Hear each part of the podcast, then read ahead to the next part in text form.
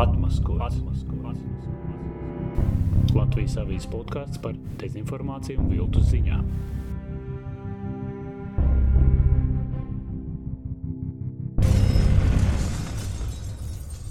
Atmoskos 25. epizode un arī 4. sezonas sākums. Te Latvijas avīzes žurnālists Mārcis Kalniņš šoreiz kopā ar kolēģi Atiku Limoviču. Sveiks! Sveiki, sveiki! Iespējams, tas būs lieki. Es atgādināšu, kāds ir izdevuma Zemesargs redaktors un autors, pazīstams arī kā ilgadējais karsto punktu korespondents. Un, protams, nav nekādu šaubu, kur mums šobrīd ir karstākais punkts. Tā ir Ukraina. Tu no turienes nesen arī atgriezies. Kurā reizē jau tā ir, kur tur brauc? Man šķiet, ka beidzamā pusotra gada laikā Iespējams, ka tā bija 12. vai 11. reize. Nav jau šaubu par to, uz kurieni braukt, kura, kura valsts mums ir pati aktuālākā no ziņām, no notikumiem, no, no tā arī, ko mēs sagaidām. Tā kā ir jā, jābrauc, un manuprāt, vēl diezgan ilgi būs jābrauc uz Ukrajinu. Bet kādi ir tie novērojumi, teiksim, kad aizbraucīji?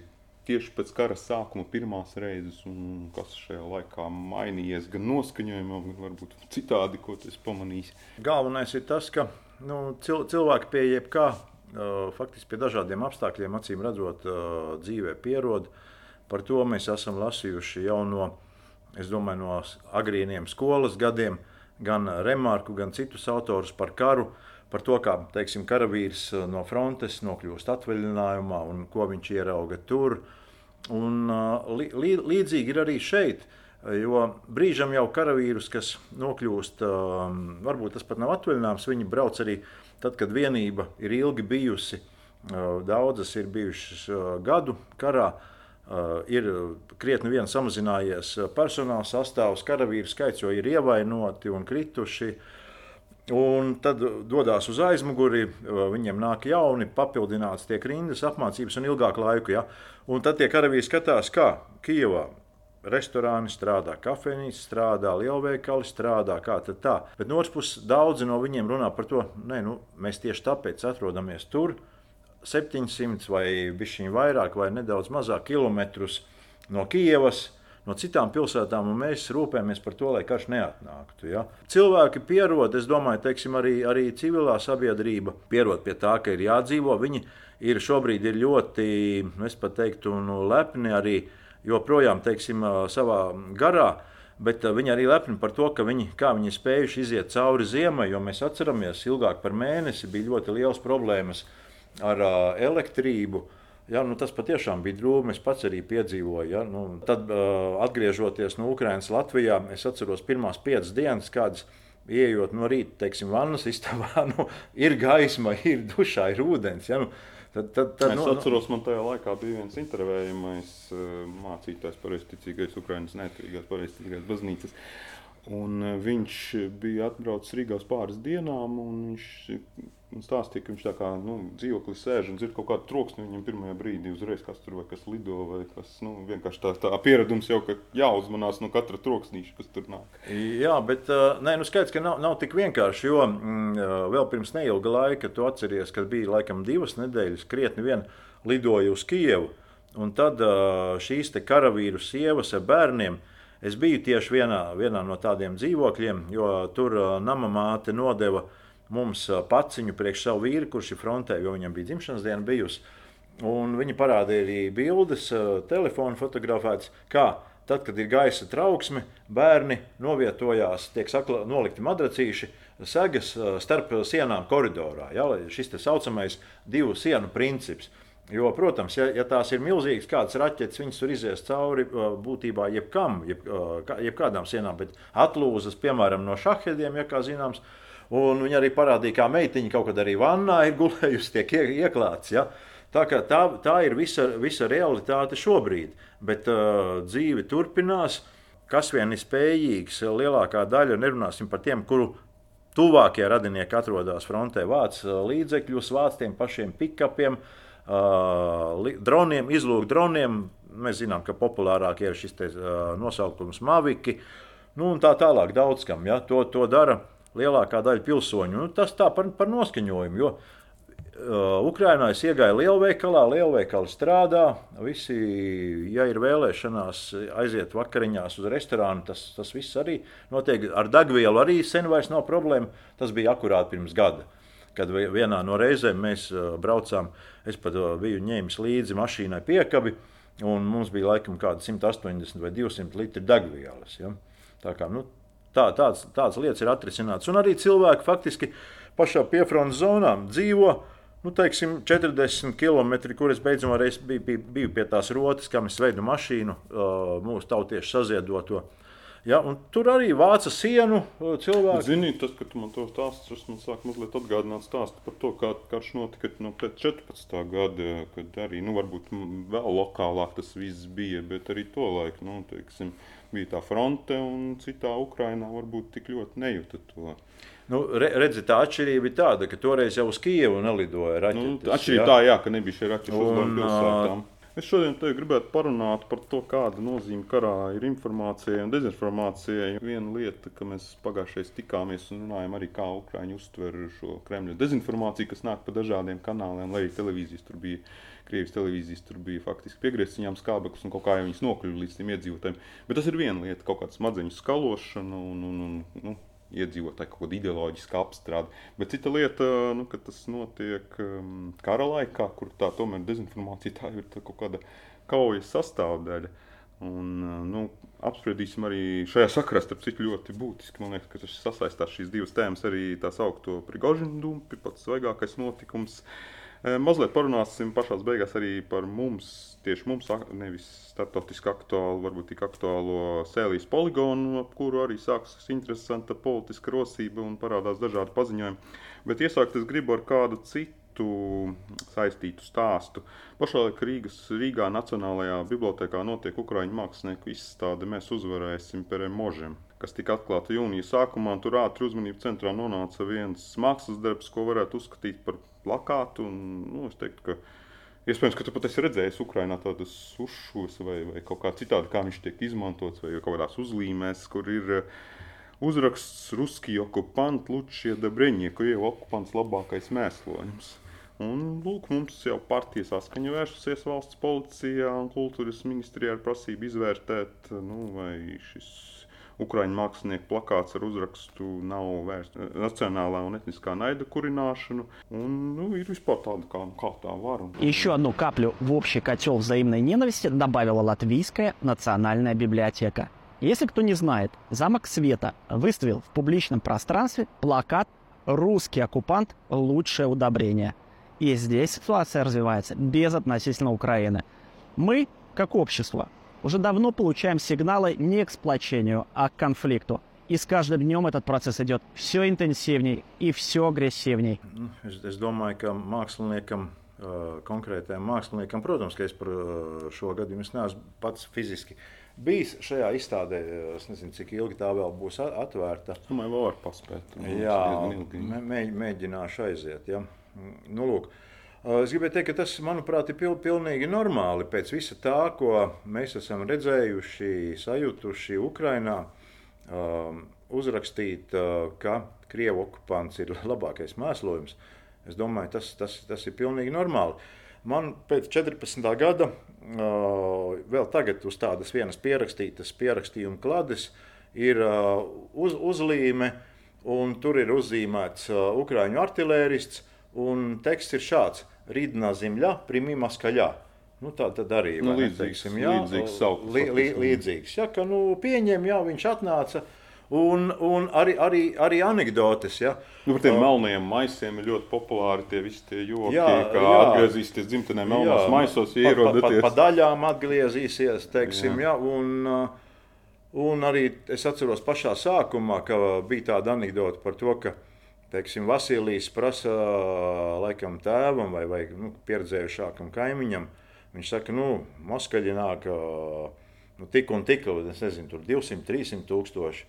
Nu, ko, nu, jā, nu, ārprāts, nu, kā mēs viņus visus apraksim, ja teiksim. Kā, jā, Tas kara laika melnais kā, kar, humors. Kara laika melnais humors, ja teiksim aizmirst par to, ka nevis Ukraina ir iebrukusi Krievijā, nevis Ukraina ir darbojusies tā, kā tas bija Bučā un daudzās citās vietās. Uh, bet uh, nu, tā ir Krievija, kas ir uh, iebrukusi un kas ir visu to pastrādājis pēc visa tā. Un interesanti, kā mums tad būtu jāraksta, teiksim, avīzē, ka tas ir apvienotais uh, burjatu, kalmiku, tatāru, es nezinu, dagestāniešu, mm -hmm. ingušu karaspēks, ja, vai, vai teiksim, ja, Mēs ļoti labi, ļoti labi apzināmies, ka tā ir Krievija, Krievija kas iznīcina citas nācijas, tā ir pārkrievošana. Nu, kā vēl savādāk saukt? Nu, nu, protams, ka tas ir Krievijas okupants. Drīzāk sas, es neesmu sagaidījis no saskaņas, un nerunāsim par dažiem citiem politiskiem spēkiem. Šobrīd saimā opozīcijā esošiem, kuri ļoti dīvaini uzvedās arī. Ja? Un tie būtībā arī pret Latviju vērsti. Tas ir jautājums, kuram vārdam tu uzliec uzsvaru. Uh, ja, uh, jo ja, es, piemēram, uzreiz liku uzsvaru, man uzsvars bija okupants. Tātad, ja kurš okupants, ja viņš ierodas svešā zemē, viņš ir pelnījis nāvi. Nu, attiecīgi šeit tas ir pateikts patiesībā caur, caur puķēm mazliet. Tā kā, tā kā, jā, jā, nu, ne, nebūs, viņš Ukrainas zemē, nu viņu neviens nepadarīs par mēslojumu. Jā, ja viņš paliks, paliks savā mājās. Tas, tas, tas tā, kā, tā kā bija ļoti labs stāstījums no pazīstamā krievu disidenta zinātnieka no Sakarova.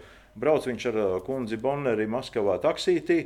Nu, kādi 70 gadi, un taksists jaunāks, un viņš kaut kā mēģina par, par kaut kādu notikumu uh, iezīmēt, kad tas noticis. Nu, Viņš saka, nu kā, nu tas notika tad, kad tie čehi mums uzbruka. Un Sakaros, kā tā, čehi mums uzbruka? Kur tad? Nu kā, kur? Prāgā mums čehi uzbruka.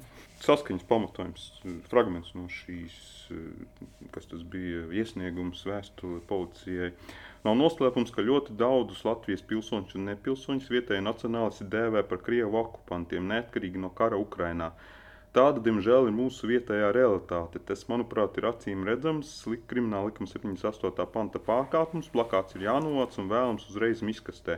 Mūsu sabiedrība tiek virzīta uz vardarbību, paiet garām, pievērt acis, to ir nepieņemami. Šis ir uh, autors šai vēstulē, ir Rīgas domas frakcijas vadītājs saskaņas Konstantins Čekušins.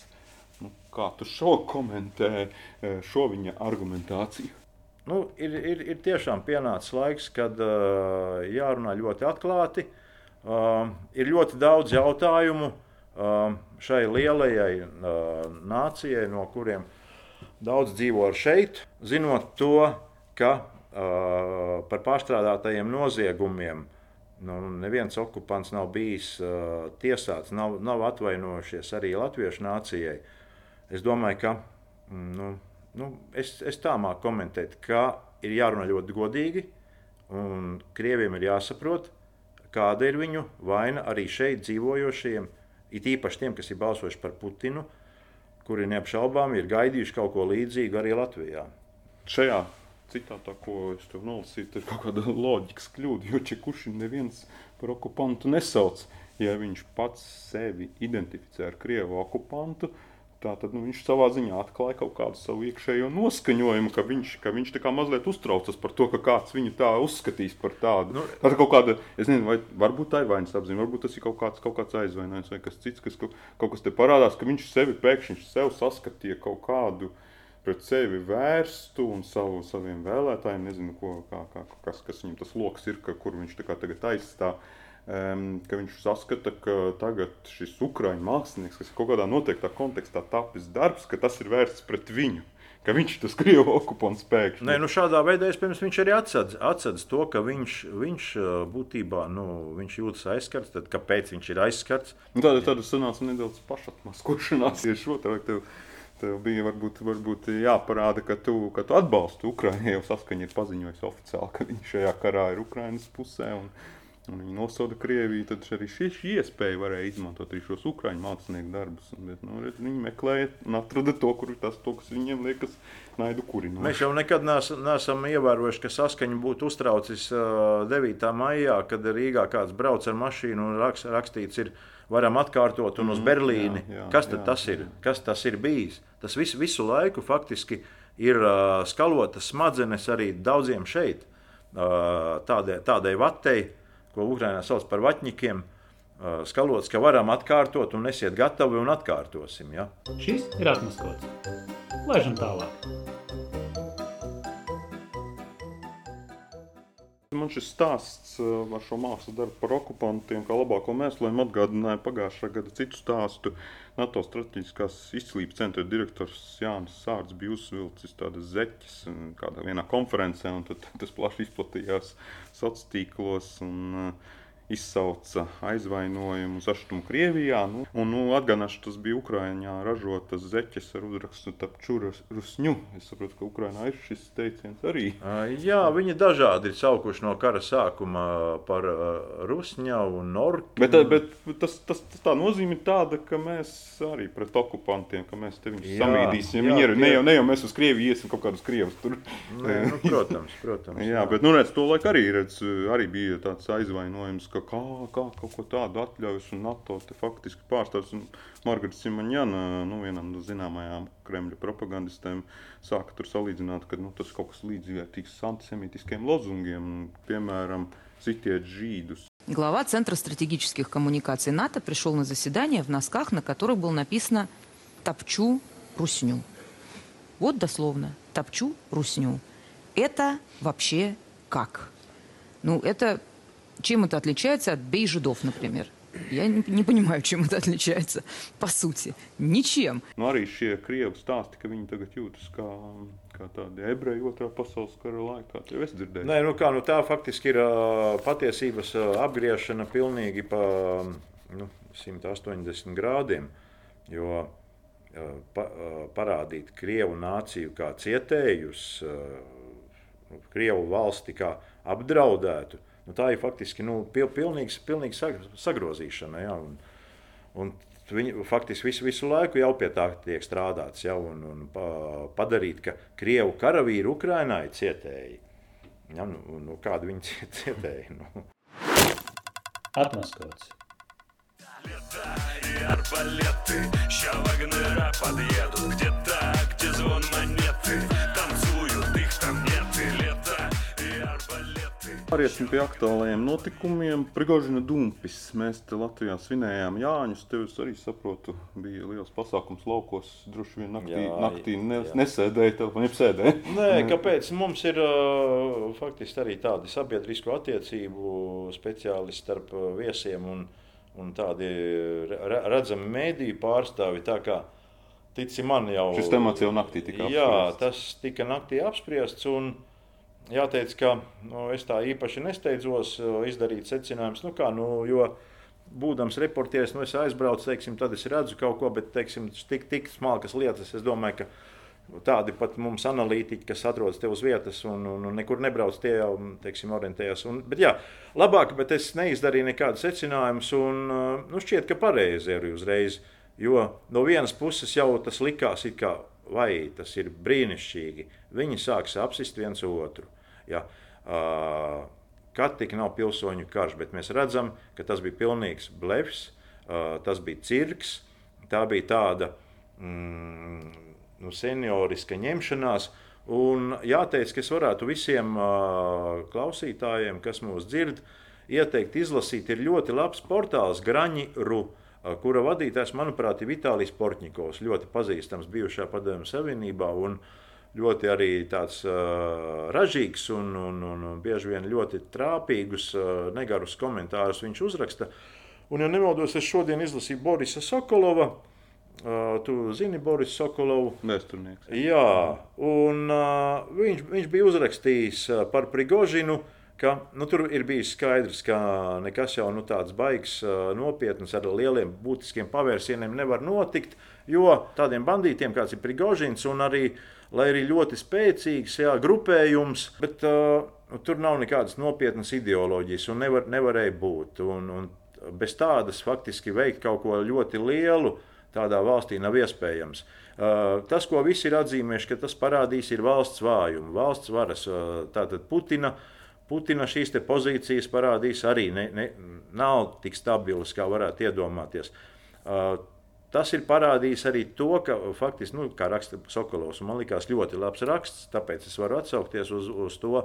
Un ka Prigožinam arī nenācās gaidīt uz tādu lielu masveida atbalstu, jo tā publika ir sociāli ļoti egoistiska un turēta arī šos 20 gadus aizvien gatavota. Un, nu, fa faktiski ne, ne, negatava pastāvīga, patstāvīgai rīcībai, pastāvīgai lēmumu pieņemšanai, saprast, ka teiksim, lūk, mēs esam tādi un tādi ciemati iedzīvotāji, mēs gribam mainīt kaut ko, un mēs jau te izveidojam, ja, nu, teiksim, tā kā Ukrainā. Ukrainā pēc 24. februāra Visur taču bija posteņi un veidojās. Ja, ir, tur, tur nebija jāgaida no Zelenska. Šeit, šeit nebija ja. ne no vienas puses. Tad, tad nebija ne Prigožina atbalstītāji īsti. Nu, Rostovās tur saprot, kaut kādi tur jā. daži desmiti bija atnākuši tur papriecāties, tur fotografēties kopā. Arī nevarēja saprast, viņi atbalstīja, vienkārši priecājas, viņi uzjautrinās par šo situāciju. Tas, ko es gribēju teikt, bet nebija arī, nebija arī pretestības, nebija arī Putina aizstāvības. Jā, jā, viņi mierīgi gāja. Tas, neviens, tas, tas, ka tas neviens, tur, ne, Latvijā tā reakcija, un es domāju, arī daudz vietu bija tāda. Nu, populārs joks par popkornu. Visi iepērk popkornu. popkornu ražotājiem liela peļņa šajā dienā, bet eh, popkorns iepirks, bet vakarā viss beidzas. Viņš paliek ne, neizēsts. Nu, tie, tie tādi sociāli. Jā, nu, tā kā Maskavā bija brīvdiena vai ne pirmdiena. Vak, vakar bija brīvdiena. Jā, jā, jā. Es nezinu, vai, vai Krievijā var iespējams, ka tur tāda pati reakcija bija. Nu, vienkārši sēdēja un gaidīja, kas tur notiks tālāk. Jo, jo cilvēki jau pilsoniskā sabiedrība jau ir tik tālu atstumta, ka viņi neko neietekmē un vienkārši, vienkārši sēž un inerti seko un būs vieni. Nu, skatīsimies, kas notiks, būs citi. Nu, nu jā, tas... tas, tas starp brīvām un nebrīvām. Es, do, es domāju, ka tas varētu būt diezgan precīzs salīdzinājums Ukrainas un, un Krievijas sabiedrībai. Tas, ko es tev teicu, ka pēc 24. februāra, jo mēs iebraucām jau 27. februārī. Nu, taču visur brauc cauri ciematiņiem, ciematiņiem posteņi jau un, un, un, un viss. Jā, tur ir, ir ieroči vairāk vai mazāk, kā, kas tur, kā tur organizējās. Tad tur kāds policists, bet tur civilā daudzi un jaunāki un vecāki. Tas tikai apliecināja to, ka nu, tā nācija kā pati kaut kam gatava ir. Ja, teiksim, ja, Krievijā nu, nekā tāda. Un, un pil, pilsoņu, pilsoņu karš uh, nav, nav, šķiet, uh, nav, nav, nav redzams. Uh, Tāds, tāds Bet tādu juku, laiki, juku laiki ievadīti. Jā, jā, jā. Tā, šķiet, jā. ka tomēr, tomēr ir tik daudz neskaidrību un arī tie Putina pretrunīgie paziņojumi un viņa runas vīru paziņojumi. Tur tomēr, tur tomēr ir kaut kāds hauss tāds jau iezīmējies. Man ar šo dumpi, ja mēs tā viņu varam nosaukt, ir joprojām daudz noslēpumu baumu. Es asvērstības teoriju. Uh, gan par to, ka nu, tas uzreiz netika apspiests, tāpēc, lai paskatītos, nu, vai kādā Krievijas spēku struktūrās, vai viss ir uzticams Maskavai, vai tur kā, nav kāda nodevēja, nu, tad, kur patīrīt kaut ko vajag. Nu, iesā. diezgan iedzīga doma, jā. Ka tas varētu būt viena versija, taču es dzirdēju vēl vienu versiju par to, ka nu, vispār tas bija mērķis, varētu būt bijis izprovocēt Ukrainu uz pretuzbrukumu, kas jau tiek apspriests jau daudzus mēnešus, ka kaut kad vajadzētu sākties un kā, kā tas izpaudīsies. Un redz, lai Ukraiņiem rastos iespējas, nu, ka Krievijā sācies haoss un tagad ir īstais laiks doties uz priekšu, nevajag kavēties, bet patiesībā tā kā Ukraiņus gaidīja lamatas, nu, ka viņi būtu to darījuši, tad viņi būtu nonākuši ļoti sliktā um. stāvoklī. Uh, nezinu, man, cik tu tici. Man, man, uh, es, es domāju, ka par, par to pretuzbrukumu, ka tāpēc būtu sācies, jo uh, viņš jau tādiem lē, lēniem soļiem šis pretuzbrukums ir sācies. Un es drīzāk liecos uh, pie tā, ka nu, Ukrāņu spēki tomēr faktiski karo nu, drīzāk pēc tādām pēc rietumu, ar rietumu paņēmieniem. Negrūžot savus karavīrus, kuru nav tik daudz, kuri pretējai pusē ir daudz vairāk, ja bezjēdzīgā nāvē iet pāri nu, teiksim, uzbrukt pozīcijām, kuras labāk tomēr būtu apiet vai vēl kaut kā. Ja? Un, uh, tas viss norisinās. Uh, Jā, nu, es, es, es nedomāju, ka tas būtu varējis izraisīt. Ja? Varbūt, ka pretējai pusē tāda iecerē bija, vai varbūt mm. kāpēc ne. Bet uh, es domāju, ka Ukrāņi uz, uh, neuzķertos, jo mēs jau lasām arī, ka tur tāds ciemats ir tikko atbrīvots. Vien, vien, par vienu bija šodien ziņa, mm. ka uh, šis ciemats atbrīvots, viņš kopš 2014. gada bija okupēts. Ja? Un... Tas ir saprotams, bet uh, tu jau arī zini, ka tas nu, efekts, nu, ko vajag, vajag pasniegt arī savā ziņā, lai rietumos tas atbalsts ne, nenoplaktu. Tomēr ir vajadzīgi šāda veida tādi, tādas panākumi ļoti redzami, kā tas bija Harkivas apgabalā, kad tur atbrīvoja. Vajadzīgi, vajadzīgi. Ir tomēr vajadzīgs tas redzams, redzams nevar tā pa lēnītēm tur maziņu atbrīvot ciematu, jo tad tomēr gan tas sabiedrībā nav tā, viņš tā kā mazliet noplok, tas, tas, tas, tas, tas patriotisms un tas, tas gatavība, gan, gan vēl vairāk varbūt rietumos un, un tā, nu, ka nekas nenotiek, nu varbūt tad jāsāk meklēt kaut kādi kompromisi, cik mēs ilgi gaidīsim. Nē, nu viena lieta bija tāda, ka mēs arī mēs šodien taču pamanījām, ka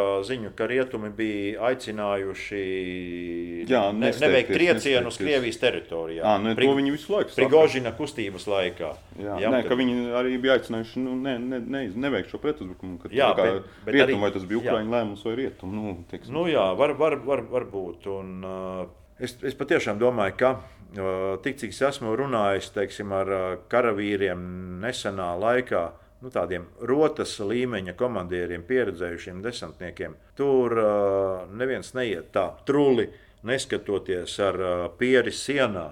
Ja? Tomēr viņi uzskata, ka viņiem ir jāapspēlē ar kara viltību, jā, jāuzvar savs pretinieks.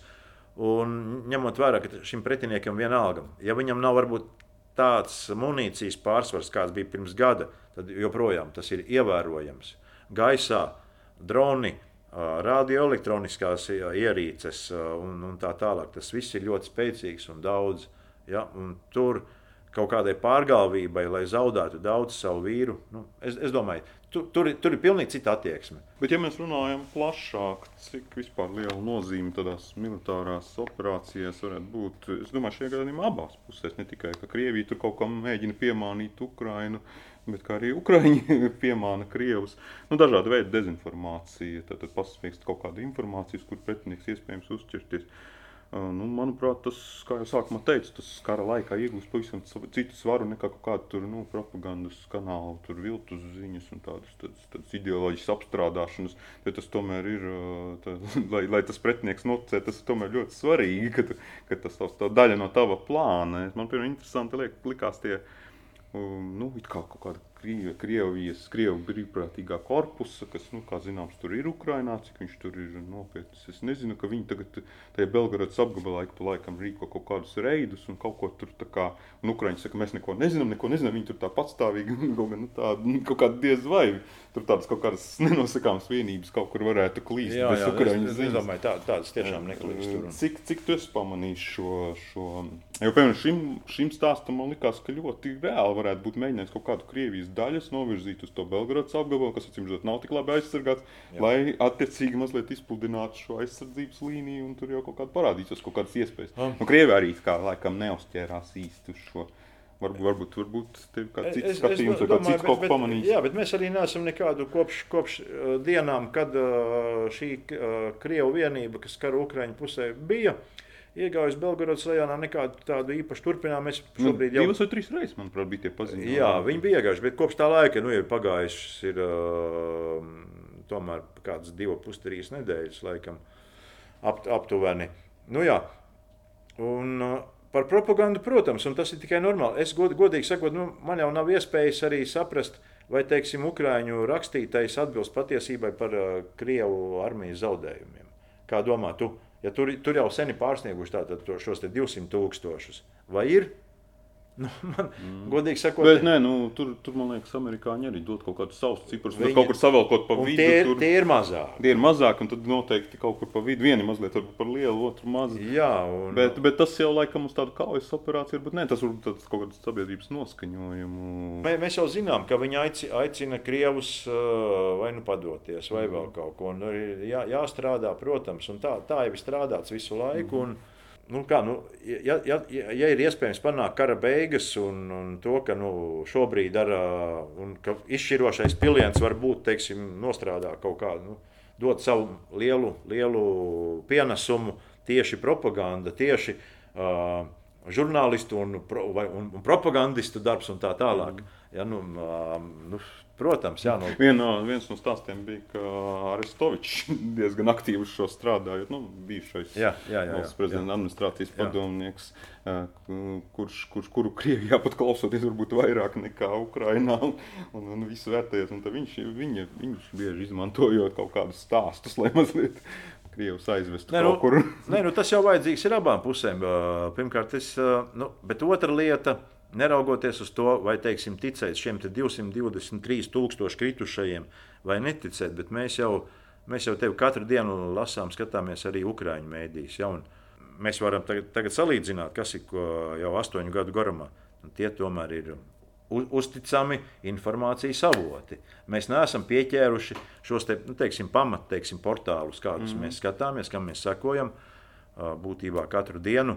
Nu, tie ir uzticami. Ja, teiksim. Jā, nu, žurnālistika tur ir neatkarīga. Tur nav šaubu, jā. ka viņi tur kā- neies nekādus pasūtījumus izpildīt. Varbūt nē. viņi kādā brīdī var nu, noklusēt kaut kādu, kas var kaitēt kaut kādai armijai informāciju, bet diez vai viņi tur rakstīs Un, melus. un es, es, es arī domāju, ka uh, drošībai, spējām aizstāvēties nācijas saliedēšanā, patiesība ir daudz nozīmīgāka par, par teiksim, meliem un tādu vil, vil, viltību. Atmaskots. Pēdējā tēma, par kuru es ar tevi gribētu parunāt, ir Sēlijas poligons. Nu, tu arī Sēlijas iedzīvotājs daļai. Nu, daļēji, jā. Daļēji, nu, un, un tu jau noteikti arī nu, ar cilvēkiem runā apkārt un vispār. Un, un, un tagad, eh, kad straujāk sākus šī ideja virzīties uz priekšu, ministru kabineta lēmumu, saimnes lēmumu, kāds Sēlijā vispār noskaņojums par šo poligonu un vispār vai tur kāds runā par to vispār, tas interesē cilvēkiem. Ne, nu es domāju, ka tas pirmkārt interesē tiem uh, zemju vai meža īpašniekiem, kurus varbūt tas tieši skar, ja teiksim, kā, kā tas notiks. Bet to jau, nu, to jau kaut kā atrisina. Un, uh, manuprāt, lielākā daļa šī reģiona iedzīvotāju, nu, es domāju, šobrīd ir nu, pietiekami informēti, ka nu, mums valsts līmenī nu, ir, ir nepieciešamība pēc šāda poligona. Mēs esam ceļā uz to, lai mūsu sabiedroto klātbūtne palielinātos. Tā ir ļoti nozīmīga lieta, kur ar to mēs panāksim lielāku, kā es saprotu, jau sabiedroto klātbūtni, šo iespēju veikt dažādas mācības. Tas noteikti nāks par labu valsts aizsardzībai, pie kā mums ir ļoti nopietni jāstrādā, kā mēs redzam. Ja? Tā kā es neesmu saskāries, ka nu, būtu kaut kas ļoti nozīmīgs teiksim, pret, pret šie viedokļi Sē- Sēlijas reģionā. Bet uh, iekšpolitikā, protams, tas ir tāds zirdziņš, kuru, uz kura pajāt uh, populistiski nu, noteikti nu, tiek izmantots. tas. Jā, nu, es, es par to arī tieši gribēju runāt, ka tur ir tāda zināma gaisa kulšana par to, ka nav labi, ka būs šāds poligons un tur visādi kaitējumi radīsies.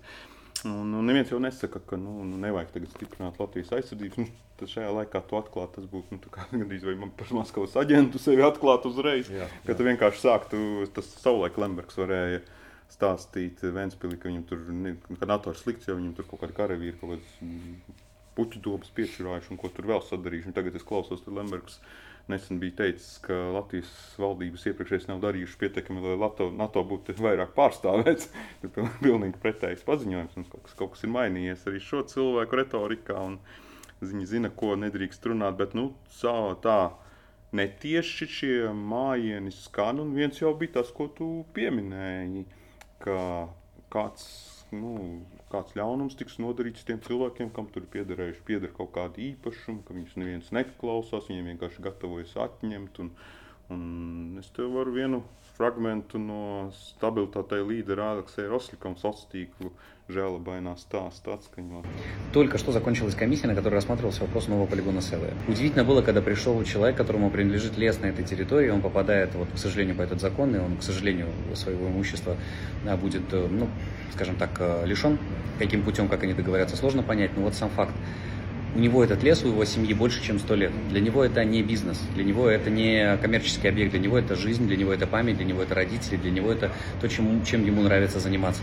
И он очень просил, чтобы хотя бы ему дали взамен точно такой же лес, который бы он смог растить и передавать своим детям. Услышан не был абсолютно. Только мы проголосовали, что мы против. Poligonu, jo redz, tur esot kāds cilvēks, kurš, kuram simts, kura dzimtai piederēja simts gadus mežs, un kuram tagad tas tiks atņemts, vietā nekas netiks dots. Nu, Nu, kāpēc Rostovs tā runā? Es domāju, ka tas nav nekāds noslēpums. Un, uh, viņš ļoti, ļoti veikli būtībā, bet tik caurskatām izmanto. Un, nu, tur jau kā viss, viss ir ļoti, ļoti, ļoti, ļoti pareizi pateikts.